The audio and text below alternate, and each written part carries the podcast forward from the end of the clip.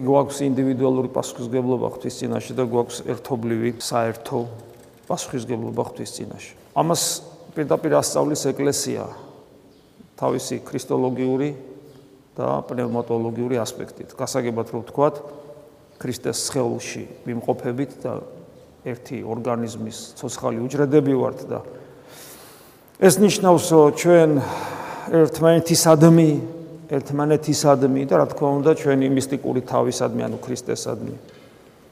ერთმანეთისადმი და ერთმანეთში გულისხმობ არა მარტო ამ სამრევლოს, არა მარტო საქართველოს მართლმადიდებელ ეკლესიას ადგილობრივს, არა მარტო სოფლიო ეკლესიას მებრძოლს, არამედ ქლიანად მოზეიმე ეკლესიას, რომელიც თავის თავში მოიცავს ყველაფერს, მათ შორის ანგელოსთა დას, ძველი აღთქმის მართლებს, გარდაცვლილ წინაპრებს გულისხმობ ქრისტიანებს, ქრისტიანებს გულისხმობ. გარდაცვლილ ნათესავებს, როგორც ოქროპირი ამბობს, ყოველი ქრისტიანი ჩვენი გარდაცვლილი ნათესავია, სადაც არ უნდა იცხოვროს მან. რა თქმა უნდა, ჩვენ ქართულ დიდ ქრისტიანებს, რომლებმაც სისხლით და საკუთარი სისხლით და შრომით და ოფლით და ლოცვით მოიტანეს დღემდე ჩვენამდე ჭეშმარიტი სარწმუნოება. ყველაფერი გულისხმება ამაში და ჩვენ გვაქვს ასე იგი ერთო საერთო პასუხისგებლობა თითოეულ ჩვენგან საერთო პასუხისგებლობა ამ ერთობის წინაშე და გვაქვს ინდივიდუალური პასუხისგებლობა ეს არის ის რასაც სულიწმინდა ღმერთი სულიწმინდა ღმერთისგან გარანტირებული გვაქვს ჩვენი პიროვნული უნიკალურობის შენარჩუნება და ამ პიროვნული უნიკალურობის შესაბამისი განვითარება ქრისტეს მისტიკურ სხეულში. ასე რომ ეკლესიოლოგიური სწავლება ვაყენებს ამ ამ ამ აუცილებლობის და ამ პასუხისგებლობის წინაშე უფრო სწორედ და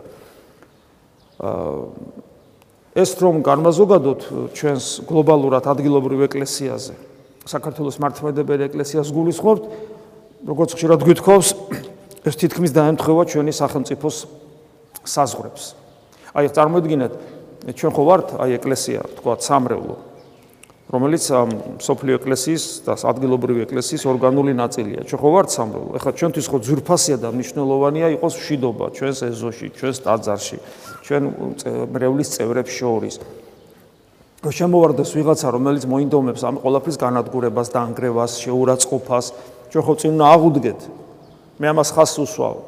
იმიტომ რომ კიდევ ერთხელ ვიმეორებ, როდესაც აა სამრევლოს ცხოვრებაში რაღაცა განსასწრელი ხდება და ეს განსასწრელი ისე იწება, ისე ისე ისე განსრულდება, ის ისე გრძელდება და ისე დასრულდება, რომ არიან ადამიანები სამრევლოში, რომელსაც რომლები ვერც კი იგებენ რა მოხდა და თუ რამე მოხდა. ერთი იგებენ და გულგრილად ეკიდებიან ეს მეორე. და იგებენ და არასწორ პოზიციას იჭერენ ეს მესამე. ეს არის სერიოზული ხარვეზის სამრელო ცხოვრების. ჩვენთან ერთი ხდება ხოლმე, მეორე ხდება ხოლმე და მესამე ხდება ხოლმე. და ეს საზიანოა არა მარტო სამრელო ცხოვრებისათვის, არამედ ეს საზიანოა გლობალურად, იმიტომ რომ ჩვენი ეკლესიის საზღვრები, ადგილობრივი ეკლესიის საზღვრები ემთხვევა საქართველოს სახელმწიფოს საზღვრებს. არის თუ არა ეს? პირიქით მის ფარგლებთაც ფარგლებსაც ცდება, იმიტომ რომ ჩვენ ეპარქიები გვაქვს საქართველოს სახელმწიფოს ფარგლებს გარეთაც. ეს რას ნიშნავს? ეს ნიშნავს იმას, რომ ჩვენ გვაქვს საერთო პასუხისგებლობა თელი სახელმწიფოს წინაშე. როგორც ჩვენ უნდა გქონდეს პასუხისგებლობა სამრევლოს წინაშე, რომლის ნაწილი ჩვენ ვართ, სადაც შედის ადამიანები შედიან, ტაზარი შედის, ეზო შედის, ყველაფერი შედის, რაც აქ არის. საქმიანობა შედის. და არაფერთ არ შეიძლება გამოთიშულობა აი ამ. როგორ შეიძლება ცოცხალი უჯრედი იყოს აქ ორგანიზმში და ამ უჯრედმა ამ უჯრედს არ ქონეს კავშირი კავშირი უკუ კავშირი დანარჩენ უჯრედებთან, ნერვული სისტემის საშუალებით და ესე იგი სისხლის მიმოქცევის საშუალებით და ასე შემდეგ. ხო შეიძლება ხო ხო წარმოუდგენელია. მაშინ ის ხო ცოცხალი არ არის. ის ხო სიმსუნური უჯრედია. ის ხო დამაზიანებელია, თვითონაც ხო მკვდარია და დამაზიანებელია მთელი ორგანიზმისათვის. აი ესეა ყოველი ადამიანი, რომელიც უსიცოცხლოდ იმყოფება სამრევლო ორგანიზმში. ასია ყოველი ადამიანი, რომელიც უსიცოცხლოდ იმყოფება ეკლესიის ორგანიზმში ზოგადად და ასეთია ყოველი ადამიანი, რომელიც უსიცოცხლოდ იმყოფება სახელმწიფოებრივ ორგანიზმში, როგორ ამბობს ჩვენი პოეტი, არც კაცი ვარგა, რომ ცოცხალი ყდარსა ემსგავსოს, იყოს სოფელში და სოფლისათვის არაიზრუნოს. გახსოვთ ეს, ბავშვობაში მაინც გვისწავლია. ამას იმიტომ ამბობ, რომ ქრისტიანს გაცნობიერებული უნდა კონდეს რა საშიშროება შეიძლება ემუქრებოდეს ჩვენ ქვეყანას. ძალიან დაძაბული სიტუაციაა. ძალიან. ყოველწუთი შეიძლება მოხდეს, არა პატარა რაღაცა უნიშნელო. ყოველ წამს შეიძლება მოხდეს გლობალური გამოუსწორებელი კატასტროფა ჩვენ სახელმწიფოში. ჩვენი სახელმწიფოსათვის, ჩვენი ეროვნული ინტერესებისათვის და ჩვენი თითოული ახლობელისა და თითოული ჩვენგანი სიცოცხლისათვის. ეს ყოველ წამს შეიძლება დადგეს. მე რო უყურებ ჩვენ სიტუაციას დიდი სიბრძნით ჩვენ არ გამოვირჩევით. ამას უკანასკნელი ჩვენი, რა ვიცი, 90-იანი წლების ბოლოდან ჩვენი თავისუფლებაში მყოფობა ადასტურებს. ჩვენ დიდი სიბზნით ვერ გამოვრჩევით. შეიძლება ამის ეს იმის ბრალია, რომ ჩვენ დიდი ხანი ჩვენი საკუთარი სახელმწიფო არ ქონია და ჩვენ არ ვიცით, როგორ ვიცხოვროთ ერთად მშვიდობით, სიყვარული და ერთად ვაშენოთ. ეს იცით რა არის? ერთია პოლიტიკა და ის რომ აი მაგალითად მეზობელთან რო კარგი ურთიერთობა გქონდეს корпуსში, ან სოფელში მეზობლებს ერთმანეთთან კაი ურთიერთობა რო გქონდეს, ან სამრევლოში მრევლის წევრებს ერთმანეთ რო ერთმანეთი რო უყვარდეთ, ხო? ვთქვათ, აი ეს გარშემო корпуსებია მოსახლეობა ცხოვრობს, ამათან რომ ნორმალური ურთიერთობა ქონდეს, ძღოლებს ერთმანეთთან ქუჩაში რომ დადიან ნორმალური ურთიერთობა ქონდეთ, ეს პოლიტიკაა? და განვავრცოთ ეხლა. განვავრცოთ და დასვხედავთ. ჩვენ ერთი პატარა პატარა სოფელი ვით არის საქართველოს, განა რამდენია, რომელიღაც დიდი მეგაპოლისები როა. სამყაროში ერთი კვარტალი შეიძლება იყოს, ერთი კვარტალი თქვა ნიუ-იორკის, იქ მოსკოვის, იქ რა ვიცი, სამხრეთ ამერიკაში უზარმაზარი ქალაქები, აზიაში რაღაც ერთი ერთი დიდი მეგაპოლისის ერთი კვარტალი შეიძლება იყოს თელი საქართველო ეს წარმოგიდგენიათ აი სულ ეს არის თავიდან ბოლომდე ჩვენი ქვეყანა. და ჩვენ რომ ერთმანეთი გვიყვარდეს, ჩვენ რომ ერთმანეთთან მშვიდობა გქონდეს, ჩვენ რომ შეთანხმებით ვაშენოთ, ვაკეთოთ, ჩვენი ჩვენი არ არის, ჩვენი შვილების არ არის, ეს პოლიტიკაა, ეს ხო პოლიტიკა არ არის. ჩვენ რომ გძნობდეთ საშიშროებას, გლობალურს, გლობალური სოფლიო მასშტაბით საქართველოს ხო გქონდა ერთი კვარტალია, რომელიღაცა დიდი მეგაპოლისის, მაგრამ ჩვენთვის ეს ხო გლობალურია. ჩვენ რომ ამას გძნობდეთ, ჩვენ რომ ჩვენ რომ ვიცოდეთ ჩვენი საკეთებელი ეს პოლიტიკა ხომ არ არის? ეს ხომ არის წმინდა წყლის ქრისტიანული და ადამიანური ვალდებულება და პასუხისგებლობა. და ამ სიტუაციაში, სიტუაცია ისეთი დაძაბულია, ჯერ ხო სიბძნე და გონიერება არ ყოფნის და ამას ვადასტურებთ ბოლო 30 წელზე მეტია ხო თავისუფლებიო. ამას ხო ვადასტურებთ, რომ ეს პრობლემა გვაქვს და ამასთან ერთად სიტუაცია რატომ არის მძიმე? გონიერება და სიბზნეს რო გქონდეს არა გვაქვს ეს გონიერება და სიბზნე, იმიტომ რომ ჩვენ არა გვაქვს გამოცდილება სახელმწიფოებრივი მოწყობისა. მრავალი საუკუნე ჩვენ ერთი სახელ საქართველოს ერთი თლიანი სახელმწიფოებრიობა არ ქონია. ეს არის დაახლოებით 5 საუკუნეა ესე. რომ გქონდეს გონიერება და სიბზნე, შეიძლება საკმარისი არ აღმოჩნდეს გლობალური კატასტროფის თავიდან ასაცილებლად. ერთადერთი რაც საქართველოს ამ შემთხვევაში ერთადერთი თუ მორწმუნეები ვართ ეს არის ცოცხალი ღმერთი რომელმაც შეიძლება საქართველოს დაიფაროს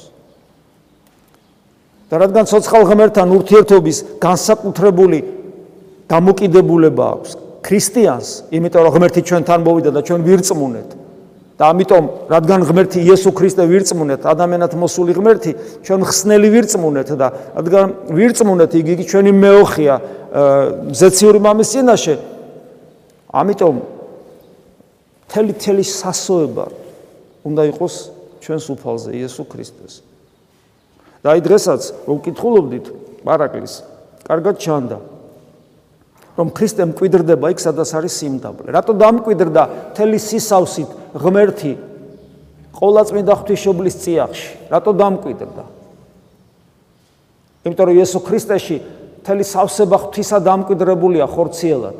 ღმერთი გამოჩნდა ხორცითა. რატო დამკვიდრდა ღვთისმშობელში, ადამიანში, მთელი სისავსით ღმერთი? რატომ გადაიქცა ერთი ადამიანი ზეცად? და ზეცაზე უფრო ძვირფას ადგილად, რატომ? მიზეზი რა იყო და დღესაც ვკითხულობდით ეს ვიცი, სიმდაბლის გამო. ერთადერთი ერთადერთი სათნოება რითაც შეიძლება ჩვენს გულში სამრელო ცხოვრებაში საქართველოში ქრისტე დამკვიდრდეს როგორც ჩვენი მხსნელი ეს არის სიმდაბლე ამას რა თქმა უნდა თავის ძალიან ღრმა მიზეზები აქვს. რატომ არის ასე? იმიტომ რომ სიმდაბლე ეს არის ონტოლოგიური თვისება ანუ არსობრივი თვისება ღმერთისა. აი ღმერთი არის ესეთი. საიდან ვიცით? ქრისტესგან ვიცით. ჩვენ ამას ადამიანი ამას ვერაგზით ვერ მიხვდებოდა. ვერაფრით ვერ მიხვდებოდა რომ ღმერთი სიმდაბლეა და ჩვენ ვიცით ეს. და თანახე როგორი პასუხისგებლობით ვიცით? ღმერთმა ესე კი არ გამოვაც გამოაცხადა რომ ღმერთი არის სიმდაბლე და სხვათა შორის ღმერთი რო სიყვარულია და ღმერთი რო სიმდაბლე ეს ერთმანეთსგან გამომდინარეა. ღმერთმა ესე კი არ გამოაცხადა. მაგალითად აი ხო ამბობს რომ წმენა წერილი ღმერთი არის სიყვარული. მაგრამ ნახეთ რას გეუბნება. როგორც მე თქვენ შეგიყვარეთ ისე შეიყვარეთ. როგორც ახალ ცნებასა გაძლევთ გიყვარდეთ ერთმანეთი როგორც მე თქვენ შეგიყვარეთ. იმით გიცნობე რომ ჩემი მოწაფეები ხარ თუ ერთმანეთი გეყვარებათ. ახალი მცნებაა ეს ახალი ახალი. ის სიყვარული არა რაც მანამდე არსებობდა. ანუ ღმერთი არის სიყვარული და ვალდებულების წინაშე მაყენებს. მეც უნდა მიყვარდეს ისე როგორც როგორი როგორი სიყვარულიც ღმერთია. ღმერთი არის სიმდაბლე და ვალდებულების წინაშე მაყენებს. ჩემგან ისწავლეთ ქრისტე მეუნება სიმდაბლეს.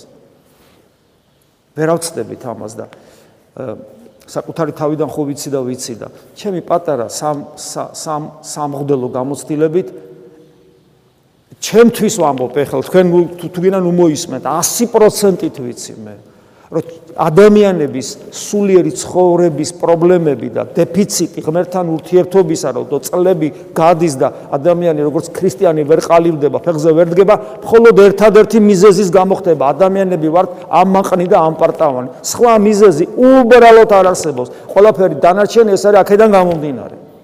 ასე როცა ჩვენ გვაქვს პრობლემა რომ სულიერ ცხოვრებაში ხედავთ ამას, მადლობა ღმერთს თუ ხედავთ. თუ ამასაც ვერ ხედავთ, თლაც წასულია ჩვენი საქმე.